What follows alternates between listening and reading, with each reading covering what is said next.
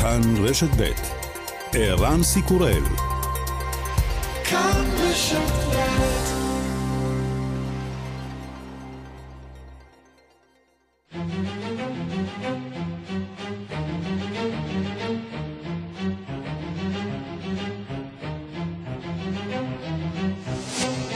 השעה הבינלאומית 9 בפברואר 2022 והיום בעולם מאמצים נמרצים למנוע הסלמה באירופה. בברלין נועדו קנצלר גרמניה והנשיאים של צרפת ופולין לדון במשבר לאחר פגישתו של הקנצלר עם נשיא ארצות הברית ופגישות הנשיא הצרפתי עם פוטין וזלנסקי. Unser gemeinsames Ziel ist es, einen Krieg in Europa zu verhindern.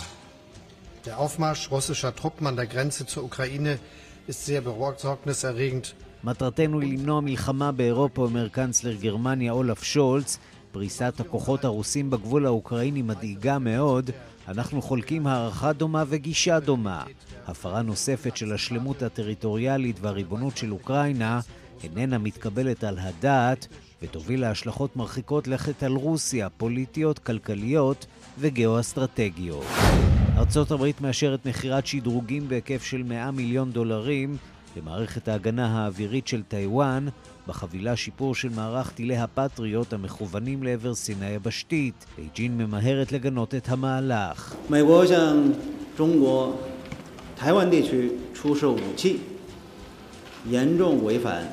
מכירות הנשק של ארצות הברית לטיוואן מפרות באופן חמור את מדיניות סין האחת ושלוש הצהרות משותפות לארצות הברית וסין הצעד חותר תחת ריבונותה של סין והאינטרסים הביטחוניים שלה ותפגע באופן חמור ביחסי ארצות הברית-סין ובשלום והיציבות במיצרי טיוואן. סין מתנגדת לכך בנחרצות ומגנה את הצעד. נמשכות ההפגנות בבירת קנדה אוטאווה, בית המשפט הורה למפגינים להפסיק לצפור אחרי יותר משבוע שמשאיות ממלאות את הבירה. המפגינים נחושים להישאר. How determined are you to continue the protest? Well, if you take a shot of my truck, you'll see my tires are off. So what does that tell you? כמה אתם נחושים להמשיך במחאה? שואלת המראיינת. הציצי במשאית שלי ותראי שהצמיגים שלי מפונצ'רים. מה זה אומר לך?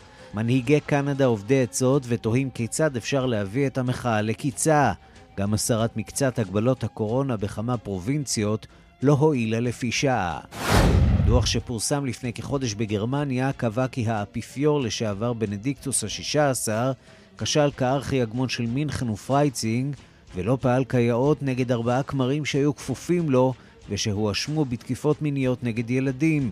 בנדיקטוס דחה את הטענות נגדו, אתמול באמצעות דוברו הוא כבר נשמע אחרת. Come in quegli incontri ancora una volta posso solo esprimere nei confronti di tutte le vittime di abusi sessuali la mia profonda vergogna, il mio grande dolore e la mia sincera domanda di perdono. אני רק יכול להביע בפני כל קורבנות ההתעללות המינית בושה עמוקה, צער עמוק ובקשת סליחה מקרב לב. הייתה לי אחריות גדולה בכנסייה הקתולית. כואב לי על אחת כמה וכמה לשמוע על התעללויות וטעויות שהתרחשו בתקופת המנדט שלי. כל מקרה בודד של התעללות מינית הוא מחריד ובלתי ניתן לתיקון. וגם... The winner of the MasterCard album of the year is... אדל! אדל היא הזוכה הגדולה בטקס פרסי המוסיקה הבריטית הברית. הזמרת זכתה בשלושה פרסים והפגינה נוכחות מרשימה בשלוש שמלות שונות לפחות, וביהלום ענק שאולי מעיד על כוונתה להינשא.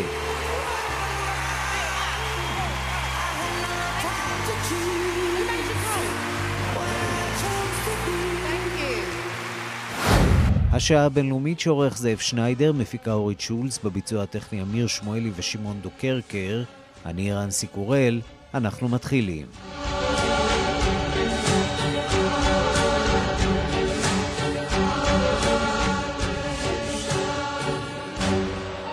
שלום רב לכם. המאמץ הדיפלומטי של המנהיגים האירופים להביא להפוגה במתח בין רוסיה לאוקראינה נמשך.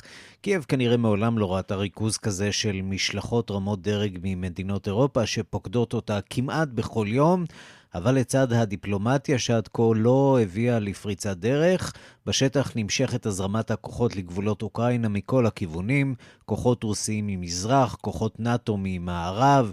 הדיווח של כתבת חדשות החוץ, נטליה קנבסקי.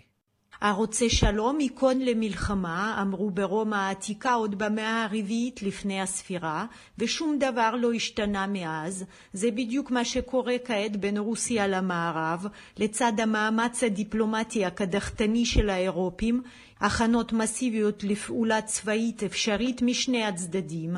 רוסיה מתחילה בתמרון משותף בבלארוס, ספינותיה ממשיכות להגיע לאגם הים השחור, ומעל מאה אלף חיילים עדיין נמצאים לאורך הגבול עם אוקראינה. מצד נאט"ו כוחות הברית נמצאים בכוננות במדינות מרכז אירופה ומזרחה, וזרם אמצעי לחימה נמשך אל תוך אוקראינה.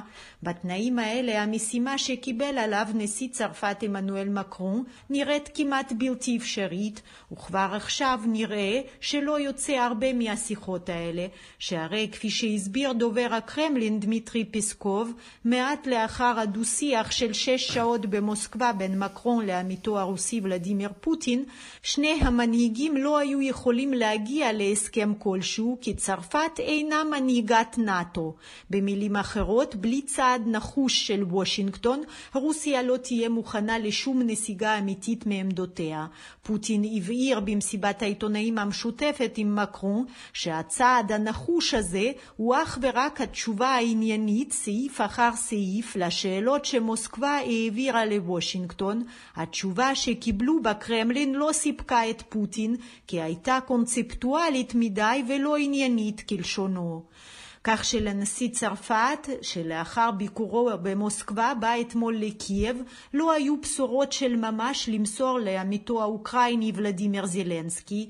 אפילו האמירה של מקרון שקיבל הבטחה מפוטין שלא להביא להסלמה צבאית לאורך הגבול האוקראיני ולהוציא את הכוחות הרוסיים מבלארוס בתום התמרון, הוכחשה כמעט כליל בידי דובר הקרמלין, שטען שאין שום החלטה בעניין ושהכוחות יצאו מבלארוס בשלב זה או אחר בעתיד.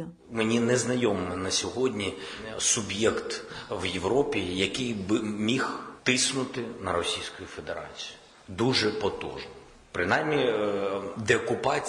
איני מכיר מדינה באירופה שמסוגלת להפעיל לחץ על הפדרציה הרוסית החזקה כל כך.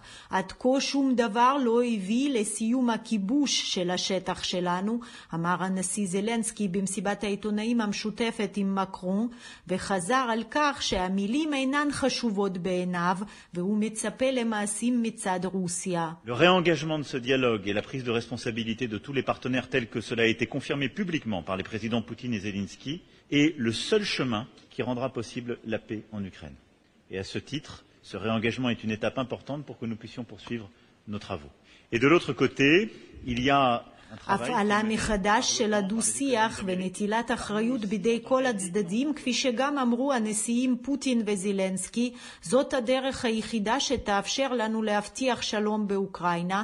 חשוב מאוד להמשיך את העבודה הזאת, ומצד שני עבודה אחרת נעשית בידי נאט"ו, ארצות הברית ובידינו כבעלות ברית, כדי לבנות את האלמנטים של הערבות הביטחונית. גישות חדשות הופיעו בימים האחרונים, ועל זה זה בכוונתנו להמשיך לעבוד, טען הנשיא מקרון בהגעתו מקייב לברלין אתמול, שם נפגש עם קנצלר גרמניה אולף שולץ ועם נשיא פולין אנדרש דודה. מקרון הדגיש ברצוננו להמשיך את הדו-שיח עם רוסיה כדי למנוע כל סיכון של הסלמה ולהשיג הפוגה. den Frieden in Europa zu erhalten, durch Diplomatie und durch klare Botschaften und die gemeinsame Bereitschaft, einig zu handeln. כולנו מאוחדים במטרה אחת, לשמור על שלום באירופה בדרך דיפלומטית ובאמצעות מסרים ברורים ומוכנות משותפת לפעול יחד, אמר קנצלר גרמניה. נשיא פולין ציין שהמצב כעת הוא הקשה ביותר מאז 1989. Proszę Państwa, musimy znaleźć rozwiązanie, musimy znaleźć takie rozwiązanie, żeby uniknąć wojny. To jest, tak jak powiedziałem, nasze w tej chwili podstawowe zadanie. Wierzę, że to tego dokonamy. עלינו למצוא פתרון כדי למנוע מלחמה, זאת המשימה החיונית שלנו. אני חושב שנצליח. הדבר החשוב היום הוא אחדות וסולידריות. עלינו להראות שאנו מדברים בקול אחד, שאנו קהילה, שאין לשבור אותנו ולגרום לנו לסגת, דברי דודה. מסרים כלליים של אחדות שבמוסקבה ובוושינגטון בוודאי מייחסים להם מעט מאוד חשיבות. ארצות הברית ומדינות נאט"ו, כפי ששמענו, שמות עכשיו דגש על פעילות דיפלומטית בניסיון לפתור את המשבר סביב אוקראינה. הנשיא ביידן ישוחח בקרוב עם עמיתו הצרפתי מקרו כדי להתעדכן בתוצאות המאמצים המדיניים. שלום לכתבנו בוושינגטון, נתן גוטמן. שלום ערן. איך רואים בממשל האמריקני את העובדה שדווקא צרפת הופכת עכשיו לשחקן מרכזי בחזית הדיפלומטית? אני חושב שהגישה היא מעורבת. מצד אחד יש, יש קו מחשבה שאומר שכל מי שיכול לעזור במאמץ הדיפלומטי הזה, כל מי שיכול לסלול איזשהו נתיב לפוטין, שיבהיר לו גם את המחירים והסכנות של פלישה לאוקראינה, גם את היתרונות שבבחירה באפיק דיפלומטי במקום במהלך צבאי, כל מהלך כזה הוא מבורך, אבל זו מציאות חדשה עבור האמריקנים. הצרפתים לא נחשבו לשחקנים מרכזיים בזירה הדיפלומטית קודם לכן, ו... לא, לא בטוח שארצות הברית באמת מחפשת קבלני משנה באופן מלא לנושא הזה, אז צריך אולי קצת לחכות ולראות עד כמה התפקידים האלה יתבססו בהמשך הדרך. מצד שני, היחסים עם גרמניה, הממשל החדש עדיין לא מבוססים דיים. בוריס ג'ונסון הוא שחקן חשוב, אבל כבר לא שחקן בזירה האירופית מטעם האיחוד האירופי. יכול להיות שמקרו זה הטוב ביותר שיש כרגע לג'ו ביידן.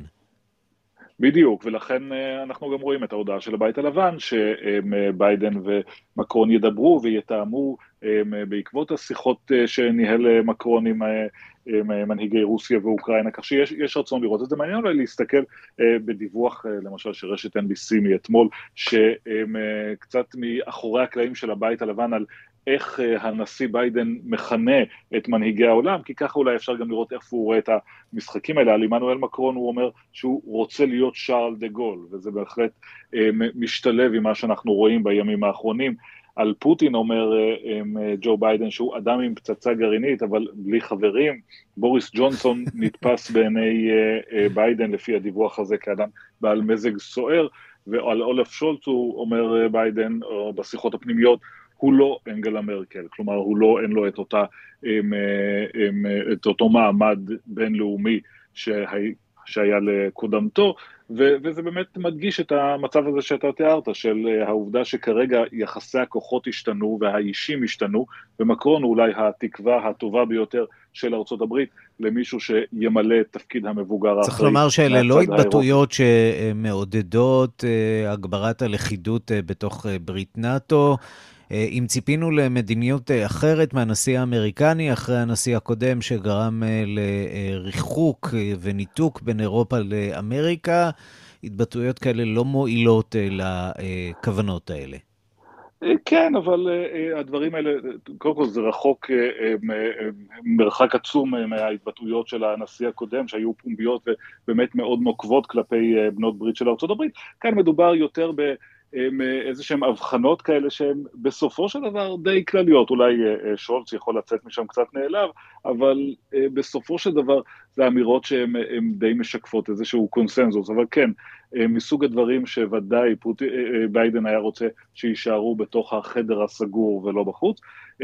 הנה דברים שאמרה דוברת הבית הלבן, ג'ן סאקי אתמול, על יחסיו של הנשיא ביידן עם עמיתו הצרפתי מקרון. We're encouraged by any efforts uh, at diplomacy. We still don't have any prediction of what President Putin will do. Uh, we can't control what Russia will do next. Uh, what we can do, and what I think President Macron played a role in doing yesterday, is making clear with our allies and partners that there will be massive consequences should Putin choose to further invade Ukraine. but in terms of an assessment, we don't have any new information or new prediction about where President Putin's headed. כן, אין הערכות חדשות גם אחרי השיחות של מקרון, ואנחנו מברכים על כל פעילות דמוקרט, דיפלומטית ועל כל מאמץ להעביר לפוטין את המחיר שהוא ישלם אם הוא יפולוש לאוקראינה, אומרת דוברת הבית הלבן על המאמצים הדיפלומטיים של מקרון. ואני אזכר רק במילה אחת שיש עוד חזית דיפלומטית כל הזמן שבה ארצות הברית משתפת פעולה עם האירופים, וזה כמובן נוגע לשיחות וינה עם האיראנים, כך שאותם בני ברית אירופים שעכשיו עוזרים יותר או עוזרים פחות במאמץ מול, מול אוקראינה, הם גם אלה שארצות הברית צריכה לסמוך עליהם כדי להגיע להסדר בחדר הדיונים בווינה. נתן גוטמן, כתבנו בוושינגטון, תודה. תודה רבה. ושלום לפרופסור שרון פרדו. שלום לך ערן. ראש מרכז סימון וייל למחקר וללימודי אירופה בת זמננו באוניברסיטת בן גוריון שבנגב, נשיא העמותה הישראלית ללימודים בינלאומיים. אז מה, אה, האם אפשר לדבר על הידוק מערכת היחסים בין ארצות הברית לאירופה, או אולי דווקא להפך, אה, על אה, התרחקות, על כך שפוטין מצליח לשים טריז בין אמריקה לבין השותפות שלה, שממילא עברו שנים של טלטלה?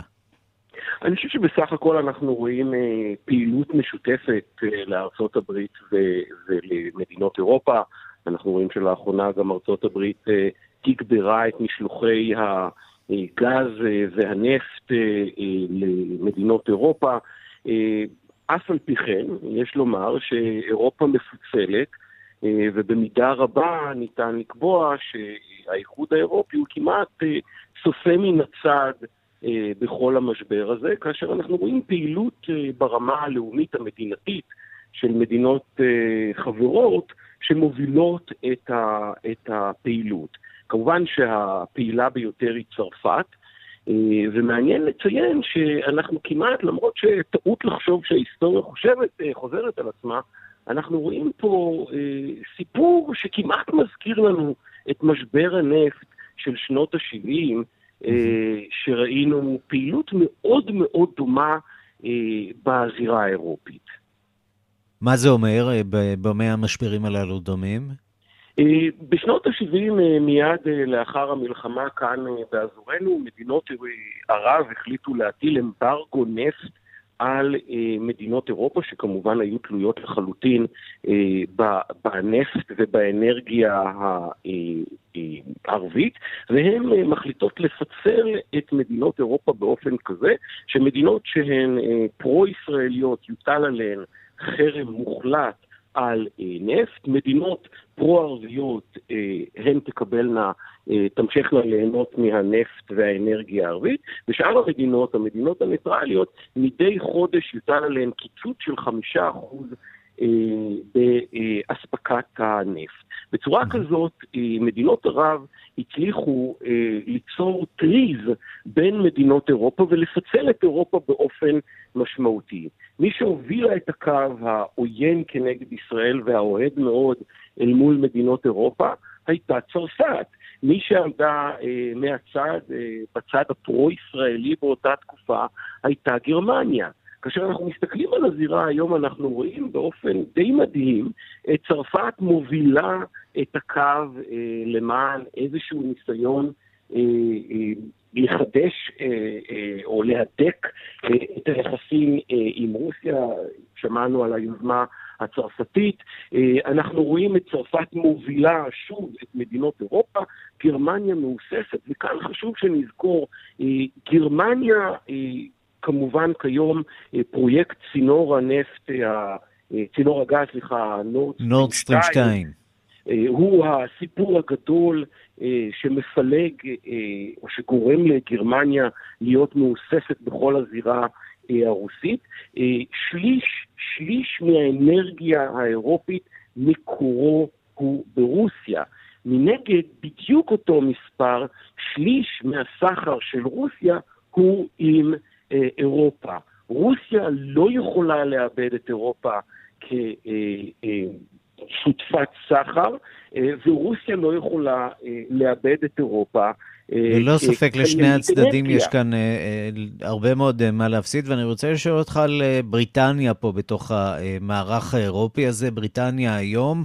זה אולי מקרה מבחן מעניין למקום החדש שבריטניה מנסה לתפוס באירופה, אה, מחוץ לאיחוד האירופי, האם אה, אפשר לטעון שיש לה היום הרבה פחות השפעה משום שהיא איננה חברה באיחוד האירופי, או שזאת הערכה לא נכונה? אני חושב שאנחנו בכל מקרה היום רואים את הפעילות בעיקר ברמה המדינתית, ואני לא חושב שהחברות הבריטית באיחוד האירופי או החברות הצרפתית מנגד או החברות הגרמנית אה, הן בעלות המשקל. אנחנו רואים את המדינות כרגע פועלות לגמרי בזירה הלאומית, כאשר באמת מיידעים את בריסל, אבל בריסל, כפי שפתחתי ואמרתי, היום היא כמעט שחקנית שצופה מן הצד. היא יכולה להטיל אה, בהסכמת המדינות עוד אה, סנקציות כאלה ואחרות, אבל המשחק כרגע מנוהל על ידי המדינות החברות, כאשר מי שמובילות אותו הם כמובן צרפת וגרמניה, ובאותה מידה, גם אם בריטניה הייתה נותרת חברה באיחוד האירופי, אני חושב שגם היא הייתה יכולה אה, לבלוט באופן דומה לצרפת ולגרמניה. שוב, מדיניות החוץ האירופי היא מדיניות חלשה.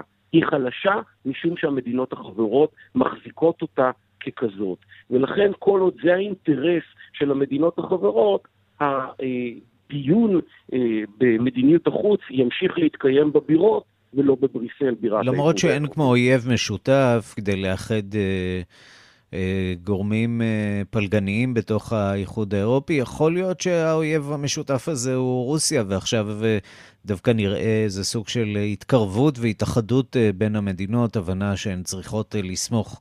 זו על זו בתוך האיחוד האירופי. פרופסור שרון פרדו, ראש מרכז סימון וייל למחקר וללימודי אירופה בת זמננו באוניברסיטת בן גוריון שבנגב, נשיא העמותה הישראלית ללימודים בינלאומיים, תודה רבה לך. תודה לך, ערן. אנחנו לקנדה, יום ה-12 למחאת נהגי המשאיות שם. הנהגים באוטווה אמנם הושתקו בצו בית המשפט, אבל הפרלמנט גועש. טרודור מואשם גם מבית וגם מחוץ בקיטוב אזרחי המדינה. הדיווח של לימור שמואל פרידמן מקנדה. אחרי שהואשם כל השבוע בהתעלמות ממחאת הנהגים, אמש שהאשימו את ראש ממשלת קנדה ג'סטין טרודו, גם חברי הפרלמנט, בקיטוב ובהסלמה של המצב. כך קנדיס ברגן מן השמרנים שהזכירה שכמעט 90% מהקנדים מחוסנים והגיע הזמן לחשב מסלול מחדש. זה לא יכול להיות תהליך איטי בגלל האגו של ראש הממשלה. קנדים עייפים וזקוקים לתקווה. האם ראש הממשלה התחשב במדע, בעובדות ובמגבלות, היא שאלה? This cannot be a slow and dragged out process simply because of the Prime Minister's ego, pride or denial. Canadians are too tired. Canadians need hope. So will the Prime Minister follow the science, follow the evidence and the restrictions and the mandates? The right honourable Prime Minister.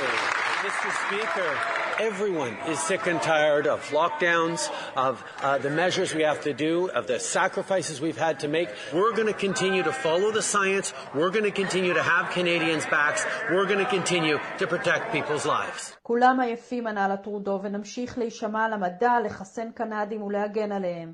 ולא רק מן האופוזיציה, טרודו ספג ביקורת גם במפלגתו שלו, חבר הפרלמנט ג'ואל לייטבונד. In this last year, Canada has reached one of the highest levels of vaccination in the world. It is something we should be proud of. It is something we should be celebrating. Yet here we are, more divided than ever. קנדה מהמדינות ששיעור גבוה מאזרחיה התחסן וזו סיבה לחגוג, אבל הנה אנחנו מקוטבים יותר מתמיד. ובינתיים ברחובות הבירה ניצחון קטן לתושבים. בית המשפט הוציא צו שאוסר על נהגי המשאיות לצפור. המשטרה חילקה יותר מ-1,300 דוחות תנועה ונעצרו יותר מ-30 מפירי חוק, בעיקר מי שהובילו ברגל ג'ריקנים של דלק למשאיות הנצורות. The problem is, like, this is our place of residence right now, right? We sleep in these trucks, we live in these trucks. So if we're denied fuel, then we freeze. Right? And that's a dangerous thing. אנחנו גרים במשאיות וישנים בתוכן, אם מונעים מאיתנו דלק נקפא, אמר אחד הנהגים, וכך בדיוק מתכננת המשטרה לשבור את ההפגנה ב-25 מעלות מתחת לאפס. אבל המחאה הזאת יצאה כבר מזמן לערים נוספות ולמעברי הגבול. גשר אמבסדור המחבר בין אונטריו לדטרויט, ועליו עוברות כעשרת אלפים משאיות עם סחורה בשווי של מיליארד דולר בכל יום, נחסם אתמול, והוא לא היחיד. גם הגבול הארוך בין מונטנה לאלברטה חסום כבר כמה ימים בערימות חציר, עד שיוסרו המגבלות. ראשי הפרובינציות מביטים במתרחש, והראשון שהודיע היום שיש לו תוכנית יציאה מהמגפה הוא ראש פרובינציית אלברטה ג'ייסון קני. הגיע הזמן להסיר את המגבלות וללמוד לחיות עם הנגיף, הוא אמר. It is time to remove these uh, restrictive and damaging health measures. It's time for us to learn to live with COVID as best we can. החל מהיום אין צורך בתו ירוק באלברטה, בפרינס אדוארד איילנד ובססקצ'ואן. מקנדה לימור שמואל פרידמן. השעה הבינלאומית, האפיפיור בדימוס בנדיקטוס ה-16 מבקש סליחה מהמאמינים על מעשיו בעבר. הוא טוען שלא טייח מקרי פדופיליה, כפי שבית דין גרמני טוען. אינני שקרן, הוא אומר, רק אלוהים ישפוט אותי כשאעלה לשמיים. בנדיקטוס ללא ספק גורם מבוכה בכנסייה הקתולית והוותיקן. הדיווח של כתבנו ברומא, יוסי בר.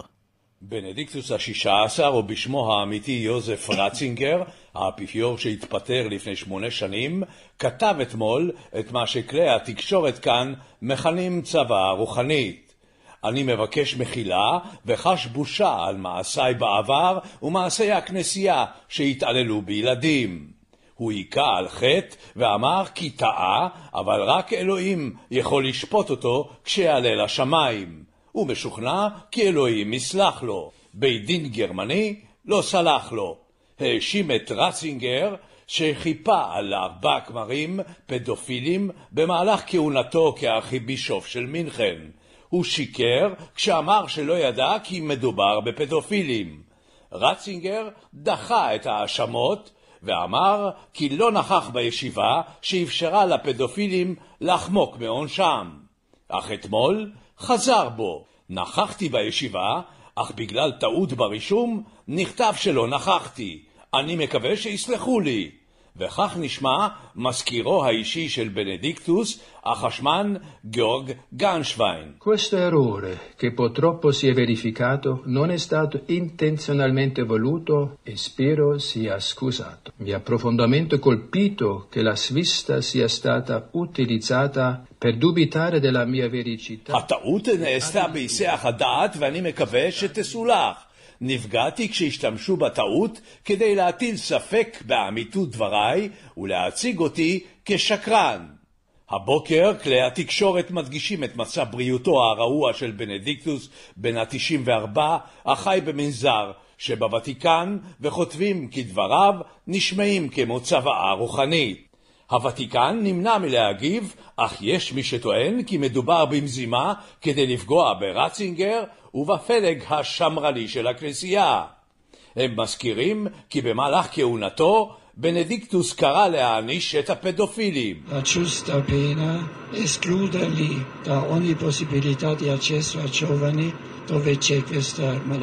יש להעניש את הפדופילים ולהרחיקם מהצעירים. מדובר באנשים חולים שיש לטפל בהם. אחד הנפגעים אומר היום בריאיון לעיתון לרפובליקה כי בנדיקטוס משקר, וכי הוא חיפה על כומר שאנס אותו. הכנסייה הגרמנית במבוכה, אבל בכינוס האחרון החליטה לפעול למען נישואי כמרים, מתן זכויות שוות לנזירות והבראת הכנסייה.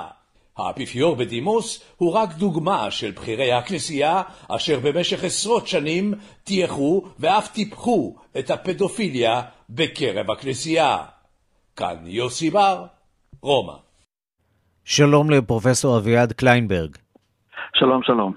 נשיא המרכז האקדמי רופין ובית הספר להיסטוריה באוניברסיטת תל אביב, מומחה לנצרות. עד כמה הפרשה הזאת של רצינגר, של האפיפיור לשעבר בנדיקטוס, באמת משפיעה על המאמינים הנוצרים, על המאמינים הקתולים, על האמון שלהם בכנסייה? בוא נתחיל במה שכמעט כולם חושבים על, על מה שהיה.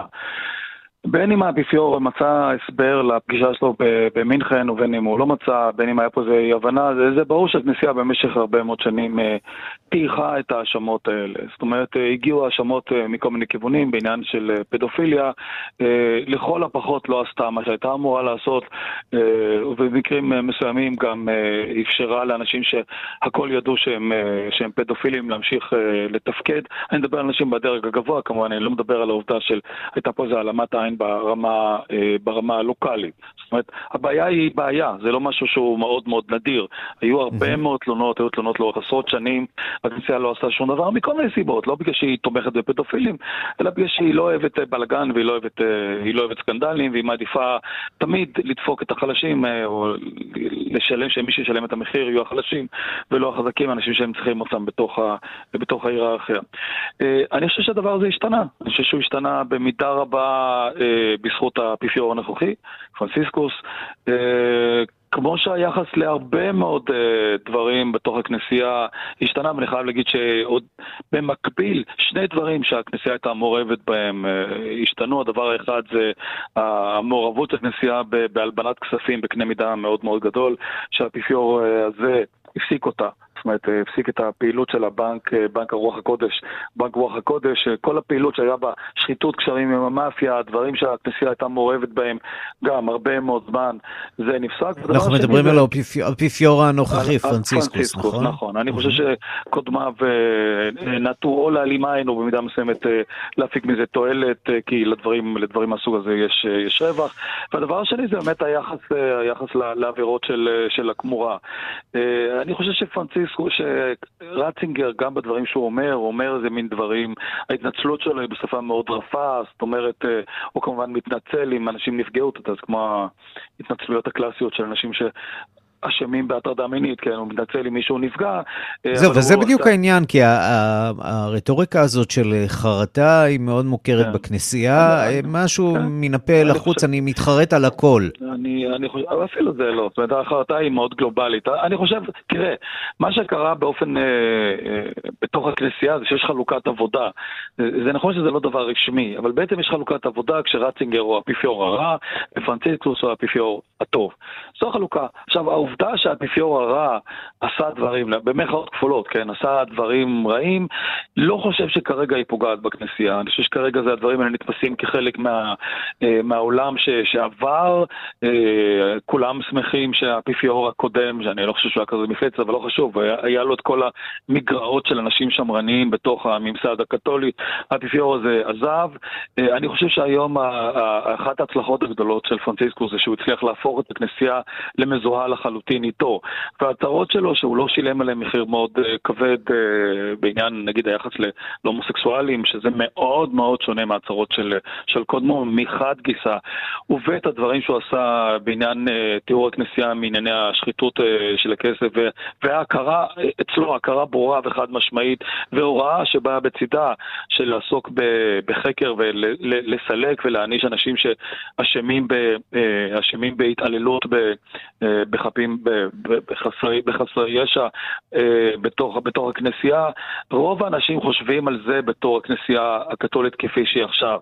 לכנסייה הקתולית יש שרצים בקופתה, אבל אני חושב שאחת מההצלחות הגדולות של פרנסיסקוס זה שהוא הצליח לייצר זהות כל כך גדולה של האישיות החביבה, לטוב ולרע, אה, שהוא אה, שלו, אה, עם הכנסייה, שאני חושב שהדברים של, של קודמו נתפסים כ, כעוד אחד מאותם דברים רעים שאנחנו נפטרנו מהם, תודה לאל. השאלה מה עשה כל זה לא רק למאמינים, אלא גם מה, מה, מה, מה זה עשה לכמורה וליכולת לגייס כוח אדם איכותי.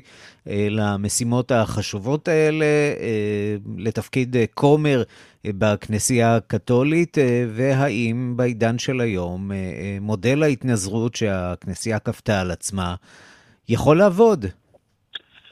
אני חושב שאם אתה שואל מה הגילוי של פרשיות ההתעלו, הפדופיליה עושה לגיוס, אני לא חושב שזה משפיע על זה, זה, זה לא, לא זה העניין. אם אתה שואל האם יש לכנסייה בעיה חמורה ביותר של גיוס, גיוס כהנים, התשובה, התשובה היא כמובן כן, ואתה שמת את האצבע על, הדבר, על הדבר הנכון. זאת אומרת, הכנסייה החליטה במהלך.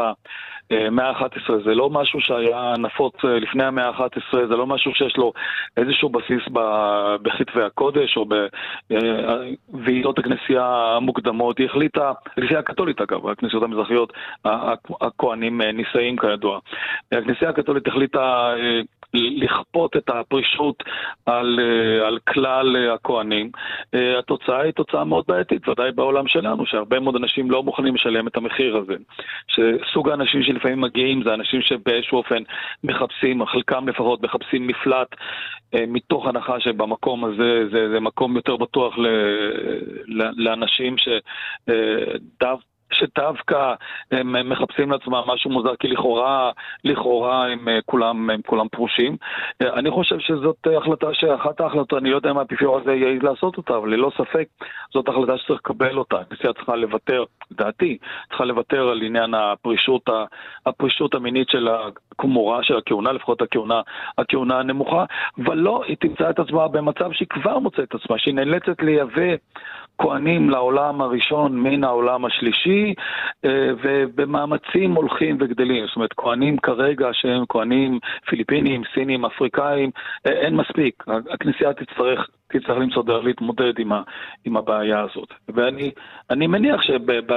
בהכירי תהליכים ארוכי טווח של הכנסייה הקתולית, אה, הכנסייה הקתולית היא מספיק גמישה כדי להבין שהדבר הזה צריך להשתנות וכנראה הוא ישתנה. טוב, עדיין לא אמרנו שום דבר על אה, כהנות אה, נשים לצורך העניין שישמשו בתור. זה ייקח עוד זמן, אני חושש.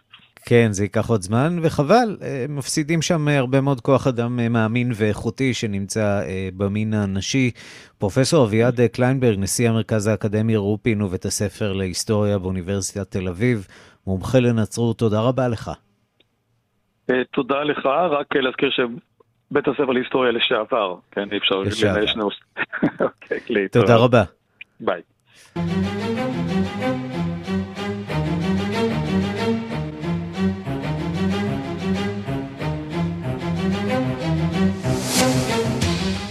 תוכנית המזון העולמית מזהירה כי 13 מיליון בני אדם בקרן אפריקה עומדים בפני סכנת רעב חמורה עקב הבצורת הנמשכת באזור כבר שלוש שנים בערך, שגשמים אה, כמעט לא ירדו באזור הזה. הדיווח של עורכת ענייני אפריקה, רינה בסיסט.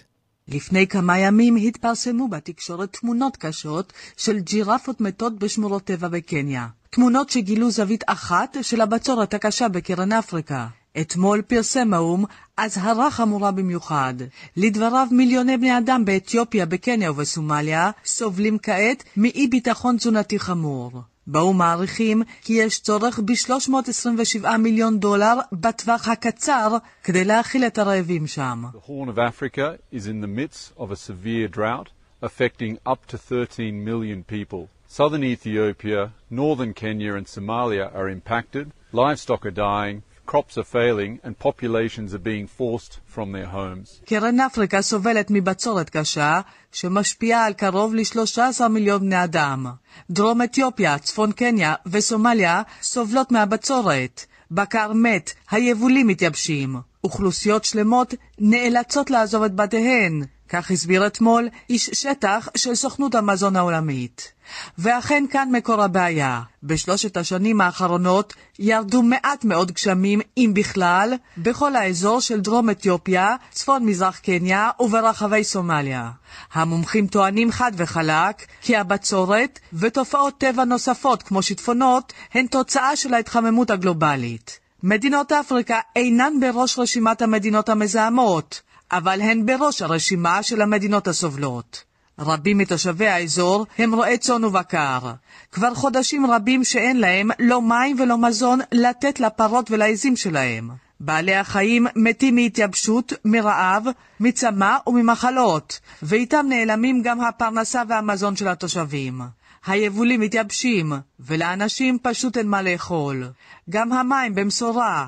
ללא מים, ללא יבול, ללא בקר, תושבים באזורים מוכי הבצורת נאלצים לעזוב את הבתים והכפרים שלהם ולחפש סיוע באזורים אחרים. פליטי אקלים. The food security currently is uh, in uh, the third phase, uh, what they call uh, critical. Uh, and if uh, we may not uh, receive adequate rainfall in the coming few days, then uh, definitely it's not something we can handle as a county. הביטחון התזונתי הוא במצב קשה מאוד, קריטי. אם לא תרד כמות משמעותית של גשם בימים הקרובים, המחוז פשוט לא יוכל להתמודד עם זה. המשאבים שיש לנו מוגבלים מאוד. כך הסביר לאל-ג'זירה המושל של מחוז וג'יר בצפון מזרח קניה. החששות של האו"ם אמיתיים מאוד, והצורך לפעול דחוף במיוחד. בסומליה למשל לא שוכחים את הבצורת של 2011. 250 אלף בני אדם מתו אז מרעב. על פי הערכות, שלושה וחצי מיליון בני אדם בסומליה נמצאים כעת על סף רעב. סוכנויות הסיוע מעריכות שהמספר הזה יעלה לארבעה וחצי מיליון בני אדם בחודש מאי, אם לא תינקטנה פעולות חירום. כאן רינה בסיסט. השעה הבינלאומית, התהפוכות הפוליטיות בהאיטי לא נפסקות מאז נרצח שם הנשיא ז'ובנל מואיז ביולי האחרון. הופנתה שם אצבע מאשימה גם כלפי ראש הממשלה המכהן, אריאל אנרי. כעת תחקיר של רשת אה, CNN חושף הקלטה שבה נשמע השופט שאמון על החקירה, והוא טוען ראש הממשלה תכנן את הרצח. שלום לכתבת תחום החוץ מיכל רשף. כן, שלום ערן. אז אה, רשת CNN כאמור חושפת פרטים חדשים מחקירת אה, רצח נשיא האיטי ז'ובנל מואיז. לפי התחקיר, השופט, כפי שאמרת, שאמון על החקירה, הוקלט כשהוא טוען שראש הממשלה המכהן, אריאל הנרי, היה מעורב בתכנון ההתנגשות. בוא נזכיר uh, למאזינות ולמאזינים, בחודש יולי האחרון פרצו חמושים לארמון הנשיאותי, ומבלי שנתקלו בהתנגדות של ממש מצד השומרים שם, הם רצחו ב-12 יריות את הנשיא ופצעו את אשתו. הוא כאמור מת, היא הוברחה אל מחוץ למדינה, טופלה ושרדה. מי שנכנס מיד למלא את מקומו של הנשיא הוא הנרי, ראש הממשלה, שמונה לתפקיד רק יומיים קודם לכן. אז החקירה שנפתחה מיד לאחר מכן הצביעה על חשוד, חשוד אחד בארגון יחידת ההתנגשות, מי שבעצם הוציא לפועל את המבצע, שמו אה, ג'וזף פליקס בדיו, פוליטיקאי לשעבר שיצא נגד השחיתות השלטונית במדינה. הוא נמלט מאז, אבל הסברה היא שהוא זה שהוציא לפועל את ההתנגשות. נותרה אם ככה שאלה, מי נתן את ההוראה. אז עדויות שהגיעו לרשת אה, CNN מצביעות על שני מפגשים שקיים בדיו עם ראש הממשלה הנרי בימים שלאחר ההתנגשות.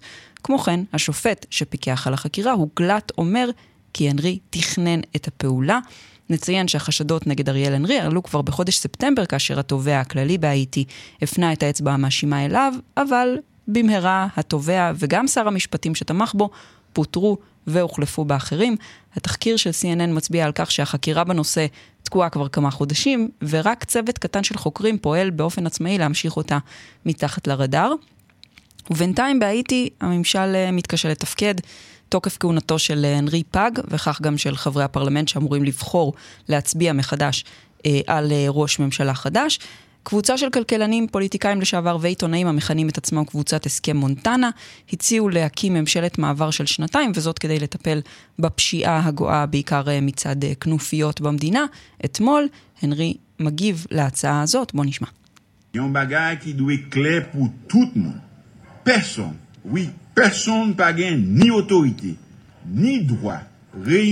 לוטל או על אטרנג'ה, יש משהו שכולכם אה, צריכים לדעת, אומר הנרי, לאיש אין את הסמכות או הזכות להיפגש בבית מלון או בחו"ל ולהחליט בקבוצות קטנות מי יהיה הנשיא או ראש הממשלה. תחושה כללית שהאיש לא כל כך רוצה לזוז מהכיסא שלו. כן, כך, כך אה, זה נשמע, הוא אומר זו בסך הכל הסחת דעת, הוא קורא לערוך בחירות כלליות מיד, אבל גם לא ממש נותן לוח זמנים למהלך שכזה. נראה מה יקרה אחרי הפרסום של רשת CNN. מיכל רשף, תודה. תודה.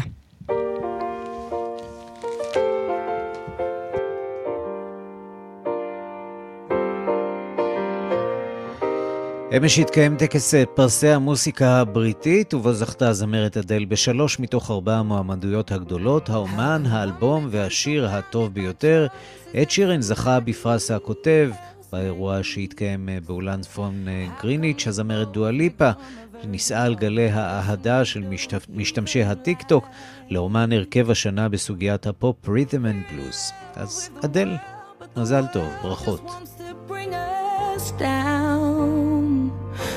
By putting ideas in our heads that corrupt our hearts somehow. When I was a child, every single thing could blow my mind. Soaking it all up for fun, but now I only soak up wine. Play hard.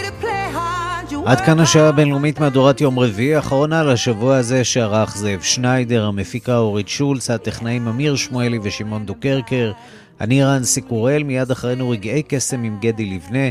מחר מרחבת עם ערן זינגר. אנחנו נפגשים שוב ביום ראשון בשתיים בצהריים עם עוד מהדורה של השעה הבינלאומית, ועד אז אתם מוזמנים אה, למצוא אותנו בכל יישומון הסכתים, חפשו השעה הבינלאומית. כל התוכניות שלנו אה, עולות לשם מיד לאחר אה, השידור. אפשר לשמוע בדרך הביתה, באוטו למשל, מומלץ מאוד. בינלאומית את כאן.org.il זוהי כתובת הדואר האלקטרוני שלנו. להתראות סוף שבוע נעים.